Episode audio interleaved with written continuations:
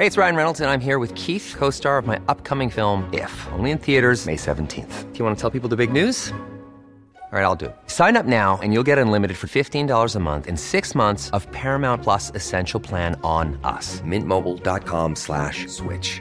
Upfront payment of $45 equivalent to $15 per month. Unlimited over 40 gigabytes per month. Face lower speeds. Videos at 480p. Active Mint customers by 531.24 get six months of Paramount Plus Essential Plan. Auto renews after six months. Offer ends May 31st, 2024. Separate Paramount Plus registration required. Terms and conditions apply if rated PG. Even when we're on a budget, we still deserve nice things.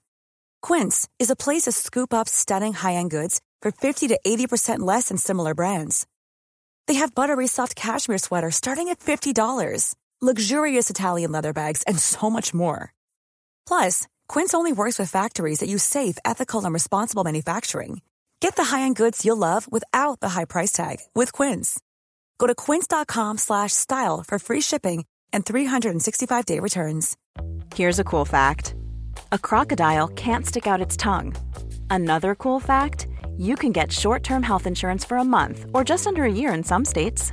United Healthcare short-term insurance plans are designed for people who are between jobs, coming off their parents' plan, or turning a side hustle into a full-time gig. Underwritten by Golden Rule Insurance Company, they offer flexible, budget-friendly coverage with access to a nationwide network of doctors and hospitals. Get more cool facts about United Healthcare short-term plans at uh1.com. Palmemordet, vittnet Lars, del 4. Sveriges statsminister Olof Palme är död. 90 000. Ja, det är mord på Sveavägen. Hörde de säger att det är Palme som är skjuten. Mordvapnet med säkerhet är en Smith Wesson, en revolver kaliber .357. Inte ett svar. Det finns inte ett svar. För jag har inget. Polisen söker en man i 35 till 40-årsåldern med mörkt hår och lång mörk rock. Välkommen till podden Palmemordet som idag görs av mig, Dan Hörning. Jag har inga nyheter om Tobias hälsa än, men så fort jag vet mer så kommer jag återkomma om det. Jag spelar som vanligt in avsnitten ett tag innan de släpps, så det bästa sättet är att följa Tobias på sociala medier. Vi avslutade nästan förhöret förra gången, förhöret från den 4 april 1986. Där kriminalinspektör Lars Jonsson förhör vittnet Lars. Vi har väldigt lite kvar, otroligt lite faktiskt. Så nu avslutar vi det. F. Ja, vi har gjort ett kortare avbrott här i förhöret. Jag vill avslutningsvis fråga dig då om du har någonting ytterligare du vill tillägga i saken. Lars, nej, inget speciellt. Det är något jag har, att han var framåtböjd då. F. Han var lite framåtlutad. Lars. Fram. När han sprang då. F. När han sprang. Lars. Men inget annat. F. Inget annat. Jaha, jag har för tillfället ingen ytterligare fråga. Förhöret avslutar klockan 16.00. Stockholm dag som ovan. Lars Jonsson, kriminalinspektör. Det här är absolut längsta förhöret som gjordes med vittnet Lars. I alla fall i den dokumentation som finns från förhöret. Men vittnet Lars kommer att föras många, många fler gånger. Bland annat i modern tid. Så nu fortsätter jag kronologiskt gå igenom alla förhör med vittnet Lars.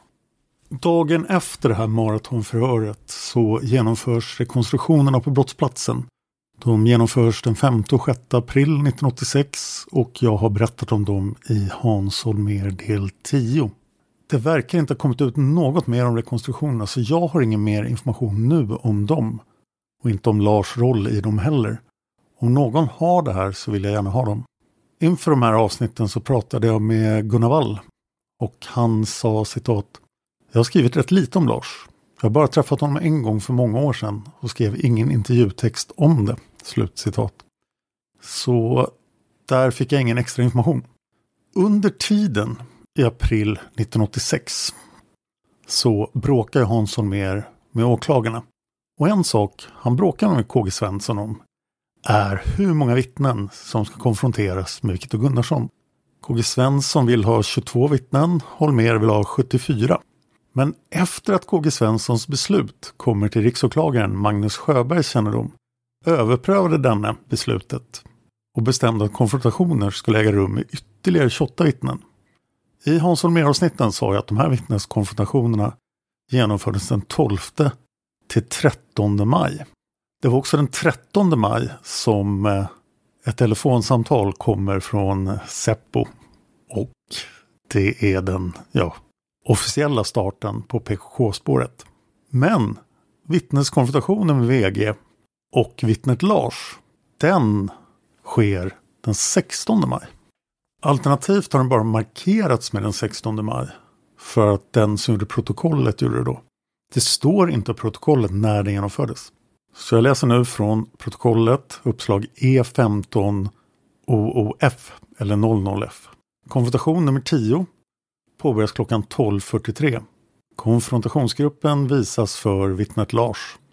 Lars har uppgivit att han befann sig i hörnan Luntmakargatan Tunnelgatan då han hörde två stycken knallar och att han därefter fått sett hur en man komma springande från brottsplatsen.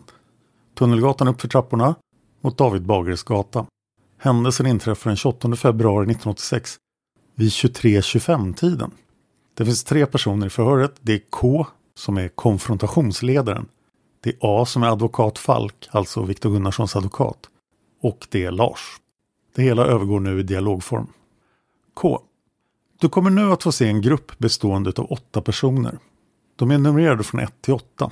Frågan är om du i den här gruppen kan identifiera någon såsom varande den man du sett springa Tunnelgatan och trapporna upp mot Malmskillnadsgatan den 28 februari 1986 i samband med att du hörde två knallar avlossas i hörnan Tunnelgatan Sveavägen.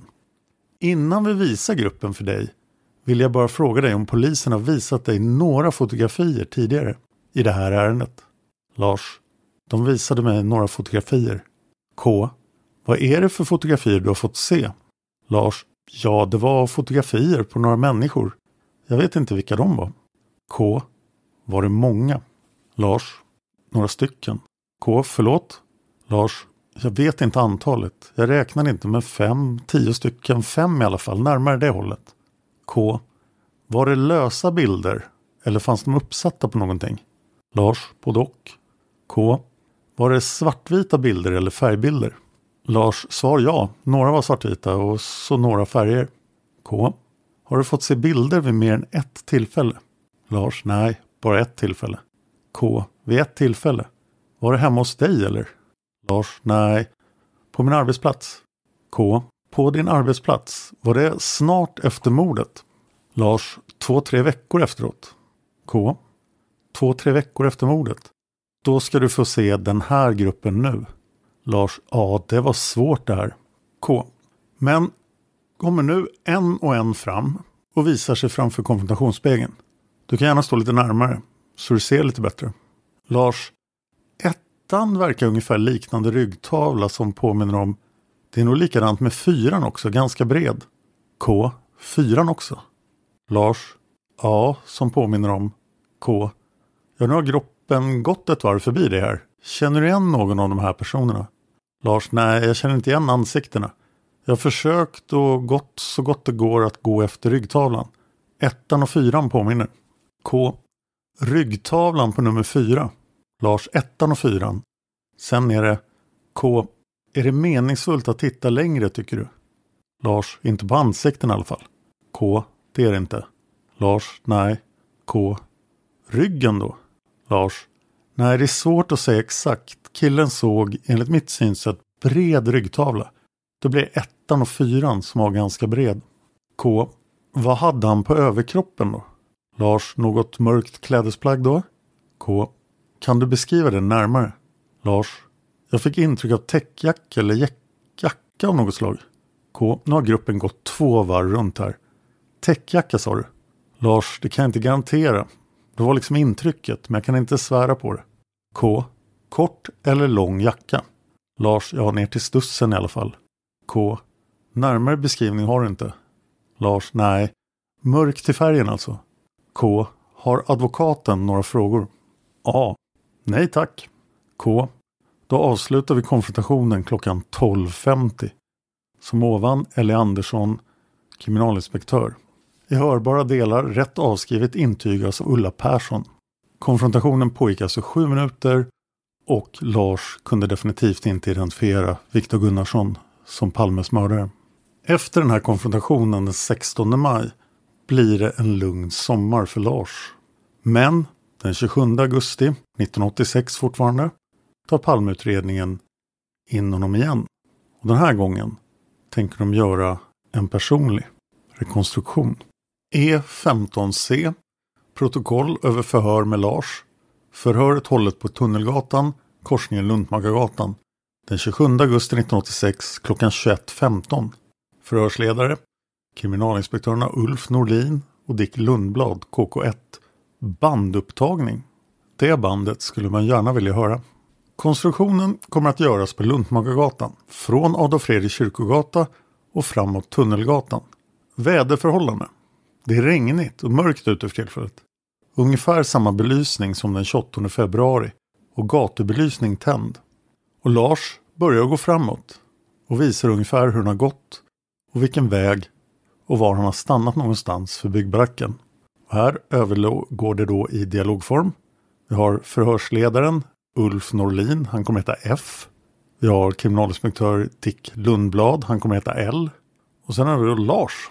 Så är Dick Lundblad och Lars Lars.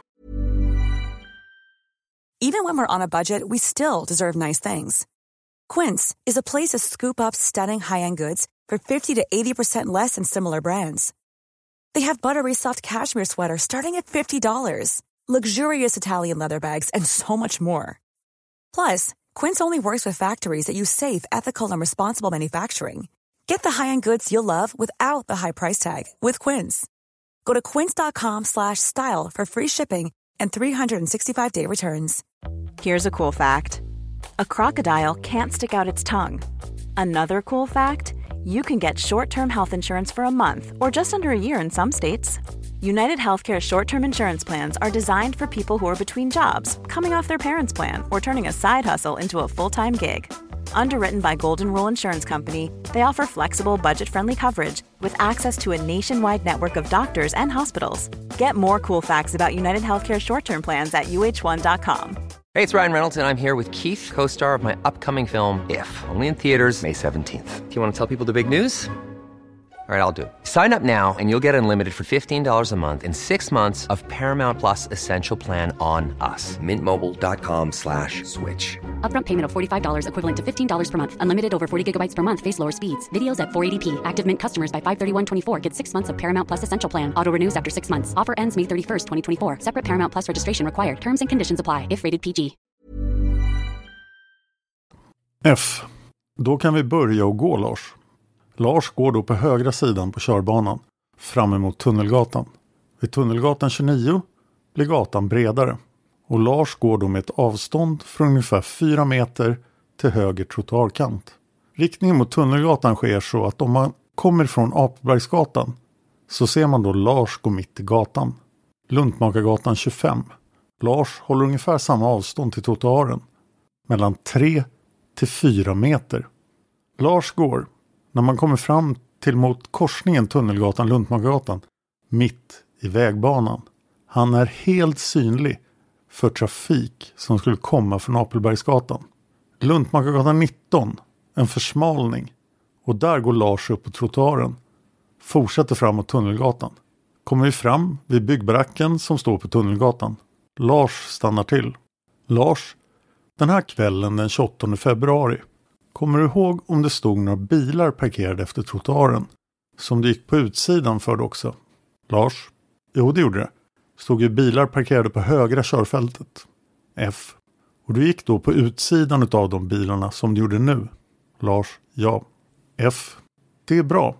Kan du då visa hur du stod där när du kom fram vid Tunnelgatan här? L.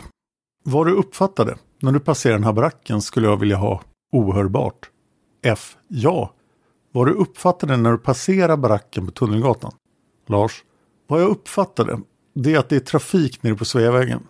Går lite tvekande fram till hörnet där, ett högra hörnet. F. Det är ungefär då vid skylten där det står Tunnelgatan du menar? Lars, ungefär. Ungefär. F. Ungefär dit. Lars, ja. F. Då går vi dit och ställer oss då. Ja, när du stod här, vad uppfattade du då för något? L. Och hur stod du? Lars. Nej, jag stod ungefär som jag gör nu. F. Som du gör nu? Lars. Ja. Och jag tittar mig omkring. Tittar neråt Sveavägen, trafik. Tittar upp här liksom. Och funderar på vad jag ska göra. F. Ja, och vad händer då? Lars. Ja, då har jag två smällar nere på Sveavägen. F. Står du här då, precis där du står nu? Lars. Jag kan inte säga exakt på stenplattorna var jag stod. Men det kan bara skilja på någon kort, på ett ungefär alltså. F på ett ungefär, ja. Vad hände då? Vad gjorde du för något när du hörde de här smällarna? Lars. Jag vände mig mot, ner mot Sveavägen, tittar ner och ser någon falla ner. Och någon kvinna skriker till och placerar sig vid mannen som här föll omkull. Samtidigt har jag då steg som börjar. F. Ja, när du ser nu den här falla omkull här och en kvinna som sätter sig på huk här bredvid och skriker. Vad gör du då? Lars. Ja, då börjar jag fundera på vad som har hänt för något. F. Gör du inget annat? Står du still hela tiden? Lars. Då står jag still hela tiden, ja. F. Du går inte ner fram emot för att du blir nyfiken på vad du har hört eller? Lars. Nej, jag drogs mellan vad som hände nere och de här stegen som jag hörde springa mot mig. F. Gick det någonting? Något steg neråt här under tiden? Lars. Nej, det minns jag inte. F. Du säger i ett tidigare polisförhör att du har gått in en bit i gränden. Hur stämmer det? Lars. Ja, om jag sa det då, då stämmer det väl? F. Du har ingen minne av det nu? Lars. Nej, det har jag inte. F. Kan det vara så att de har fattat dig fel vid de förra förhören och att det här är den rätta versionen? Eller har du glömt bort hurdant det gick? Lars. Nej, det är en del detaljer som har fallit bort. F. Men en sådan detalj som du hade där, tror du att den kan falla bort? Eller kan det ha varit det att de har missuppfattat dig? Lars, att de har missuppfattat mig, det tror jag inte. F, det jag tror inte. Så då är det du som har glömt bort då? Tror du på mera det? Lars, nej, jo, visst. Även om att, men att jag glömt bort att just den detaljen, den F. Mm. Så du har inget minne av idag att du har gått in en bit längre mot skotten när de small? Lars, nej, visst det har jag inte. Inte. F, nej. Stod du så här långt ifrån väggen? Eller stod du lutad mot väggen? Lars, nej, jag stod inte lutad mot väggen. Jag stod ungefär mitt i ungefär. F, ungefär mitt i. Om du ställer dig mitt i nu, hur mycket ser du då utav gatan framåt? Lars, Ja, då ser jag Tunnelgatan rakt ner mot Olof Palmes gata där. Fortsättning där. F, det gör du. Har du någon uppfattning om var det var han föll? Om det stämmer överens med den blomhög som finns nu ligger? Lars, ja blomhögen stämmer nog in ganska väl. F, ja. Och det är där han skulle ha ramlat då? Lars, ja. F, när du såg honom. Lars, det stämmer nog ja. F, de här stegen du hörde, vad gjorde du då när du hörde dem? Lars, nej, ja, vart efter dem närmre mig så följde jag med huvudet åt ljudriktningen. F, det gjorde du. Och när såg du personen i fråga? Lars, när han började komma över kors Luntmakargatan. F, mm. Såg du precis likadant om man tittar Tunnelgatan upp? Trapporna här till David Bagares. Såg du precis likadant då som du gör nu? Lars, nej. Då fanns det då byggnadsställningar och plastskynken som döljde trappan uppför. F, ja. Så om du tittar nu uppåt så har du två trappor. Vilken av trapporna i nedre halvan var det som doldes? Lars. Jag såg bara den nedre delen av den vänstra trappan. F. Var det allt du kunde se utav hela trappan uppåt? Lars. Ja, det stämmer. F. Ja, hurdan var belysningen just för det tillfället? Var det lika många lampor i trappen som det är nu? Lars, nej. Det tänkte jag inte på då, men det må... hur många lampor som var tända eller så? F. Var det väl upplyst? Eller var det skumt så att det var svårt att se? Lars. Jag vill minnas som lite halvskumt. F. Lite halvskumt. L. Ja, men det gör det jämt. Nu alltså. Lars, jag tycker det är lite ljusare nu ändå. F. Mm, och du är säker på att du kunde ifrån den här platsen se direkt när han föll, när skotten small? Lars. Jag såg när han föll framåt, liksom det var det första jag såg av händelsen. F. Och du stod still hela tiden.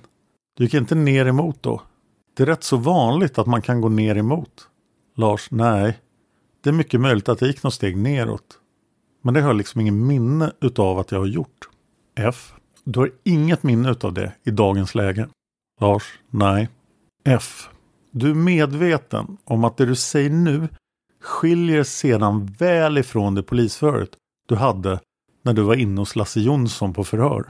Lars, men det antar jag att det är. Men jag, det enda jag kan skylla på är att jag glömt bort en del detaljer va? F. Glömt bort en del detaljer. Ja, det är ju lätt att göra.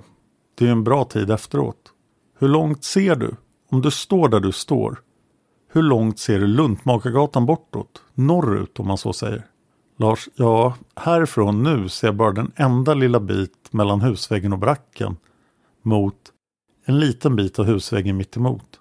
F. Ja, du kan inte se Luntmakargatan alls åt andra hållet. Lars. Nej. Nej. F. Den här kvällen nu när du gick hit. Mötte du någon bil överhuvudtaget? Eller såg du någon bil som körde härifrån Luntmakargatan upp mot Apelbergsgatan? Lars. Ingen bil i rörelse alls. F. Och du såg heller ingen bil som kom Luntmakargatan från Apelbergsgatan och körde emot dig, mot Tegnérgatan, alltså Luntmakargatan norrut. Lars, nej. Alla bilar jag såg var stillastående. F. Var stillastående. Och du är säker på att du inte såg någon bil? Lars. Ja, det är jag helt säker på. F. Ja, då avbryter vi förhöret en kort stund. Avbrott. Och min kommentar det är förstås Sigge Cedergrens bil som F är ute efter här. Förhöret fortsätter. F. Nu har inte jag fler frågor och Dick Lundblad, har du några frågor? L. Ja, jag skulle vilja återgå till de här stegen som du hörde komma då nerifrån Sveavägen. Kan du beskriva hur det lät? Lars. Det jag kommer på nu är tunga steg. L. A. Lars. Tunga steg, springande som han hade bråttom. L. Gick stegen i en riktning? Lars. Ja. L. Det är du säker på idag? Lars. Eh, eh, ja, rakt fram alltså. L. Jaha. Enligt en väg som du själv har sagt tidigare att upp på Tunnelgatan och vidare upp på den vänstra trappan. Lars. A L.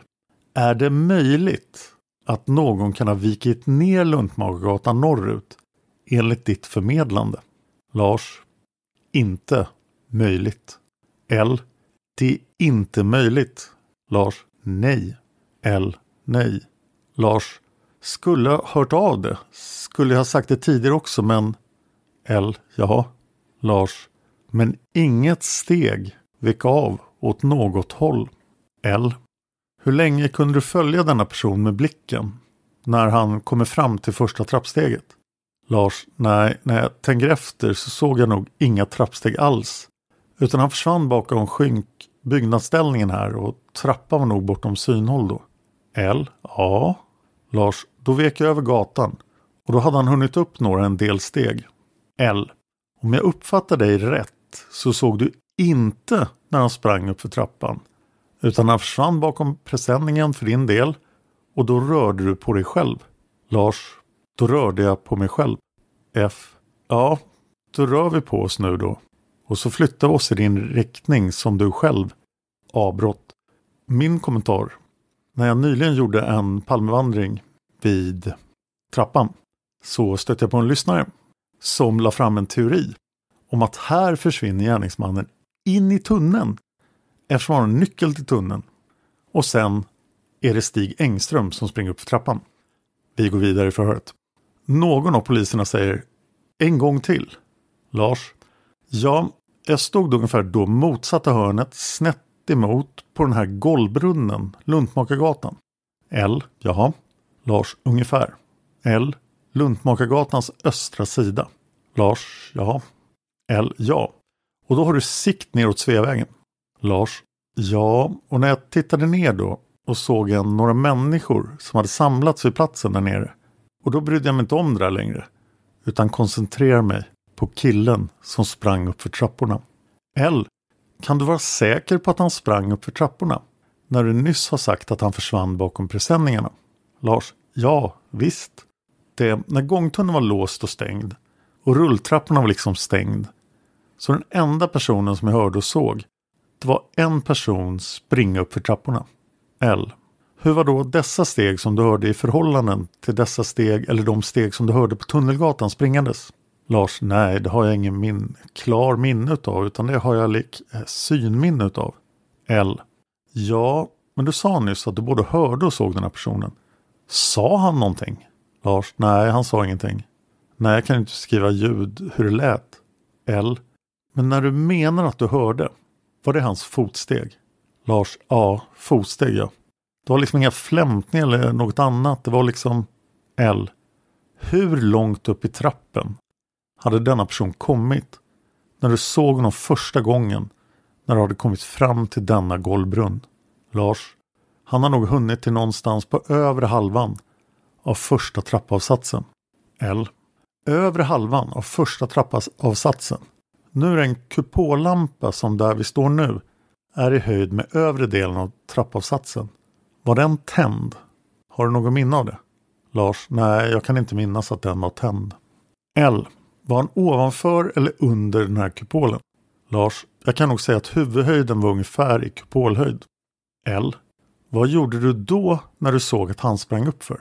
Lars, jag stod och tittade på honom. L.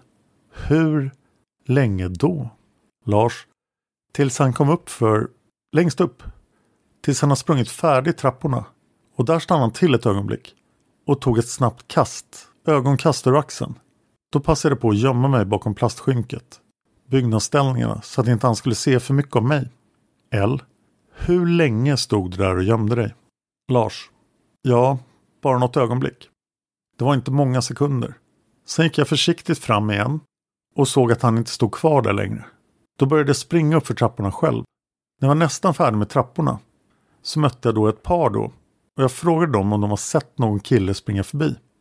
Och de pekade mot David Bagare och så rakt fram. Då gick jag och L, ta det där igen, det kom en bil. Lars. Att då stod jag ställ, gick jag försiktigt fram till korsningen David Bagare och jag vad det nu heter, den andra gatan där uppe. Malmskillnadsgatan. Och tittade ner för David Bagare om jag kunde se någonting. Tyckte mig se någon skymt av någon rörelse bakom någon bil längre ner. Men dagens läge vet jag inte om det var någon inbildning. Eller om det var något verkligt. Men jag gick ner för David Bagare, först i promenadtakt och kollade in mot vänstra trottoarkanten mot...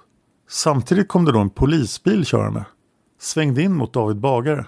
Men vi fortsatte liksom åt vårat håll, motsatt. L. Vilka vi? Lars. Eller polisbilen fortsatte åt sitt håll och jag åt mitt håll neråt. Så gick väl neråt förbi då ett byggnadsställningar nere vid David Bagare. Kolla in bakom några skynke där.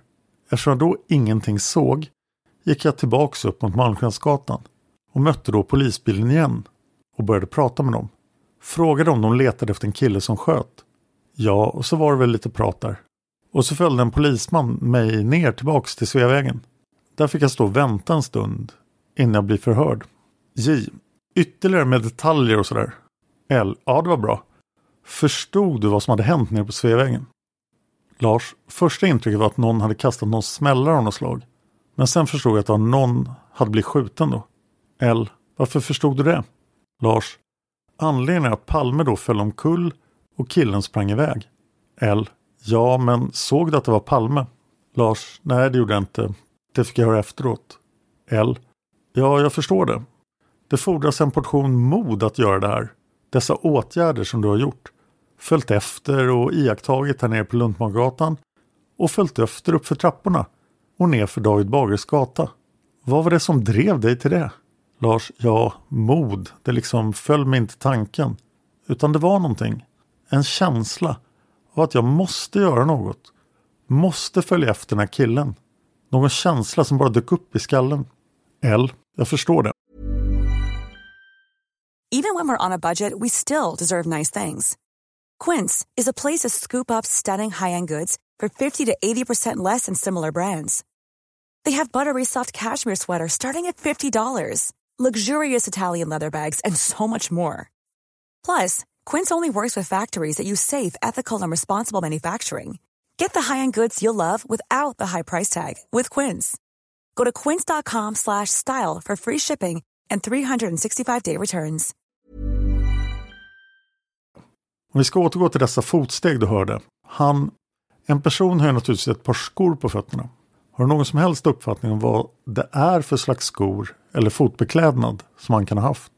Lars, nej, ingen sån uppfattning har jag. L, nej. Kan du säga vad det är för material som han kan ha haft i sulorna? Lars, nej, det kan jag inte svara på alls. Har inte haft en åtanke på vad han hade för sorts skor eller någonting. L, nej. Springer man i gummiskor så är det ett visst ljud. Springer man i läderskor är det ett annat ljud. Eller med lädersula. Förstår du vad jag menar? Lars, jo, jag förstår, men jag är inte säker på att jag kan särskilja på de ljuden. F. Nej, då ska du inte svara på det heller. Då avbryter vi förhöret ett ögonblick. Avbrott. L. Vi har förflyttat oss i skyddförregnet och fortsätter förhöret. Lars. Kan du idag komma ihåg och lämna en beskrivning på hur mannen såg ut, vilken ålder han var, hur han var klädd, hur han sprang och så vidare? Lars. Han sprang något framåtlutad med hopkurade axlar. Hur, om det var långa steg eller om det var normala springsteg, kommer inte jag ihåg nu. Men jag fick intrycket av att han hade någon keps som huvudbonad. Om det var mörka kläder, färg, mörk färg på kläderna överhuvudtaget. Det är väl det enda jag kommer ihåg nu va? L. Kan han ha haft en annan huvudbonad än keps? Lars, det kan han ha haft, men ja, intrycket, jag tänkte liksom det första jag såg, det var keps. Det var liksom det ordet som dök upp i skallen när jag såg killen bakifrån då. L. Såg du håret i nacken på mannen? Lars, jag kunde inte pocka ut där i håret, där i krage eller så, utan det var allting flöt ihop. L. Vilken ålder var ni? Lars. Ingen uppfattning. L. Vilken längd hade han? Lars. Nej, jag kan inte säga centimeter utan bara han var längre än vad jag är. L. Och du är 164 centimeter. Lars. Ja, det stämmer. L. Hade han något föremål i händerna? Lars. Jag såg bara högra handen och den hade inget föremål. L. Hur höll han högra handen när han sprang? Lars. Det var nog böjd armbåge. Fast den var något framåt, ja, någonting åt det hållet. L. Rörde han armen bakåt när han sprang? Lars. Han, det antar jag att han gjorde att han höll. L. Beskriv för mig nu när vi står här med egna rörelser på din högra hand. Så ska jag beskriva hur du visar. Är det för svårt idag? Lars. Ja. Skulle jag vilja säga att det var, det blir, blir det. F. Det blir för svårt. Lars, ja. L. Ja, du såg ingen skobeklädnad eller fotbeklädnad. Lars, byxor. Det var inget utmärkande drag på kläderna eller byxorna, utan det var bara mörk färg alltså. L. Ja. Lars. Det är det jag minns bäst nu. L. Ja, vad hade han på överkroppen? Lars. Jag fick intryck som dök upp i skallen. Det var täckjacka, men... L. Är det ett intryck som dök upp i skallen nu eller då? Lars, då. L. Då?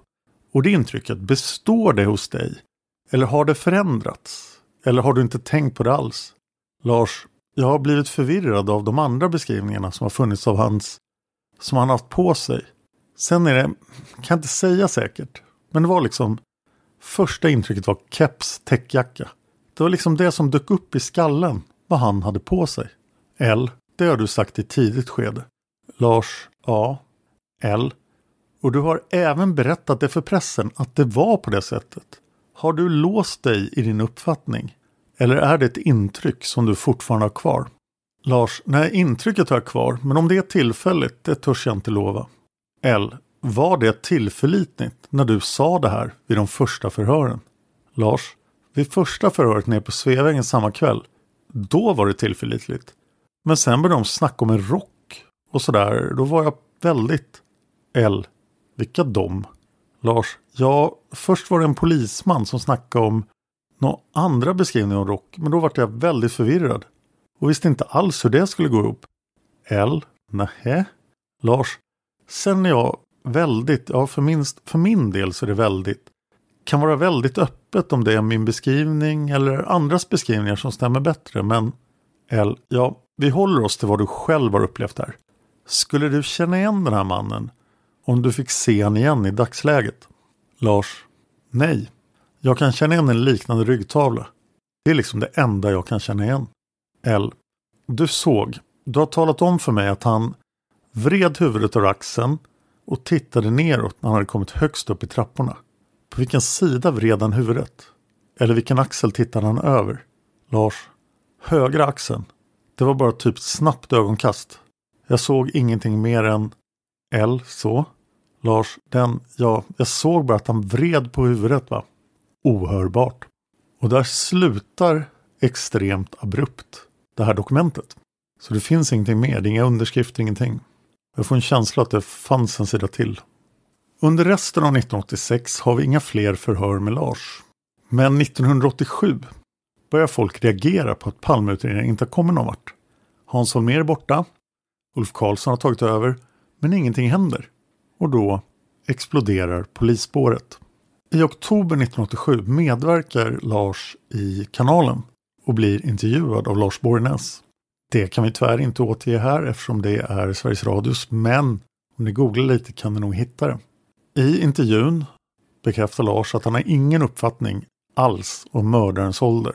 Han säger också att 1520, Dalsgårds kommissariebil, inte hade några blåljus på och att den körde långsamt på David Bagares gata. På frågan om Lars hade sett någon rörelse bakom skynket så svarar han att det hade han inte. Han bara chansade. Kanalen berättar också att 1520 inte ingick i rekonstruktionerna som Lars gjorde tidigare och att den rekonstruktion kanalen har gjort är mycket noggrannare. Kanalens rekonstruktion visade att Lars stoppar polisbilen fyra minuter efter skotten. Kanalen bjuder även in Dalsgård för att kommentera. Men han säger att han inte vill prata förrän i november på grund av en kurs och att man dessutom kräver skriftliga frågor. Den 29 oktober 1987 publiceras en artikel i Svenska Dagbladet. Den är skriven av Sune Olofsson och Björn Hygstedt. Artikeln har rubriken Palmespanare avkrävs besked om polisspåren. Ingressen säger citat Stockholms polisstyrelse begär nu att Palmeutredningens spaningsledare Ulf Karlsson lämnar en fullständig redogörelse om de så kallade polisspåren. Styrelsen nöjer sig inte med åklagarnas besked. Slut citat. En bit in i artikeln kommer en underrubrik som heter Okänd händelse. Och där skriver artikelförfattarna citat. Men det finns en händelse med två polismän inblandade som inträffade direkt efter mordet och som delvis är okänd för åklagargruppen. I en intervju i radioprogrammet Kanalen på onsdagskvällen berättade nämligen vittnet Lars hur han bara två minuter efter att skotten fallit mött en polisbil på David Bagares gata.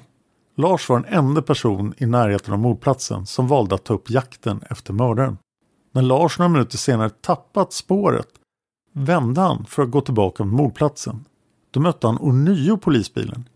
Inte heller denna gång stoppade patrullen Lars. Det var jag som stoppade dem och frågade om de letade efter den som hade skjutit. Det gjorde poliserna. Lars berättade då åt vilket håll mördaren försvunnit. Dessa viktiga uppgifter vidarebefordrades dock aldrig, vare sig till ansvarigt befäl på mordplatsen eller till ledningscentralen. Polisbilen var en kommissariebil från Norrmalmsdistriktet med anropsnummer 1520. Den hade vid tidpunkten för områdesanropet, som gick ut en minut efter mordet, befunnit sig vid Kungsgatan.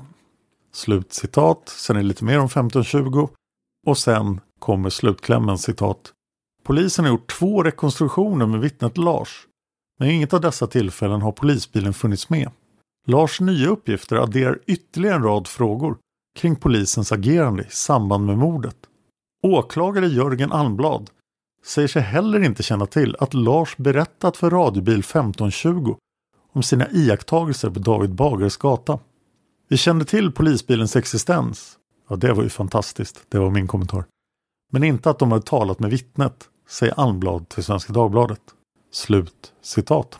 Jag har pratat om 1520 Christian Dalsgård i avsnitt 192 som en del av polisspåret. Så lyssna gärna på avsnitt 192 där jag går på djupet i 1520s högst anmärkningsvärda färd från Kungsträdgården. 1988 händer allting med Christer Pettersson. Och i nästa avsnitt kommer ni att få höra Lars själv berätta i tingsrätten om kvällen den 28 februari 1986. Det kommer i sin tur att leda till ett nytt förhör med Lars den 28 augusti 1989. Men allt det i nästa avsnitt. Jag finns på Twitter och Instagram. Jag heter Dan Hörnings, är lätt att hitta. Följ mig gärna där. Du kan också mejla till Palmemordet och det gör du på simwaypodcast.gmail.com simway med z. Den e-mailadressen gäller för alla mina poddar och det går till min producent Eva som skickar vidare mejlen dit de ska. Om du är intresserad av historia så håller jag precis på att eh, planera för att släppa en ny historiepodd på svenska. Men jag har redan en historiepodd. Min allra äldsta podd. Arbetet med den började redan 2014. Det är Fan of History. Där jag tillsammans med Bernie Maupolsky går igenom hela världshistorien från år 1000 före vår tideräkning. Vi har alltså hållit på i nio år och vi sitter just nu och skriver på 570-talet före vår tideräkning. Det är mycket Assyriska imperiet och gammaltestamentliga saker. För det gamla testamentet är en ganska bra historisk källa efter år 884 för vår tideräkning. Det och mycket mer greker och romare i podden Fan of History. Och du hittar Fan of History på samma poddappar där du hittar Palmemordet. Om du lyssnar på den här podden på ett Apple device så vill jag gärna ha en iTunes-recension. Alla iTunes-recensioner kommer att bli upplästa i podden förr eller senare. Tack till alla er som sponsrar Palmemordet på Patreon. Det är därför vi kan fortsätta så här många år som vi har gjort. Stort tack till Gunnar Wall och tack till Johan Lundqvist. Tack till Lukas för musiken. Tack till Tobias. Och eh, tack till dig för att du lyssnar på Palmemordet. Man hittar Palmes mördare om man följer PKK-spåret till botten. Därför att ända sedan Julius Caesars tid har det aldrig hört talas om ett mord på en framstående politiker som inte har politiska skäl. Polisens och åklagarens teori var att han ensam hade skjutit Olof Palme. Och det ledde också till rättegång. Men han frikändes i hovrätten. Ska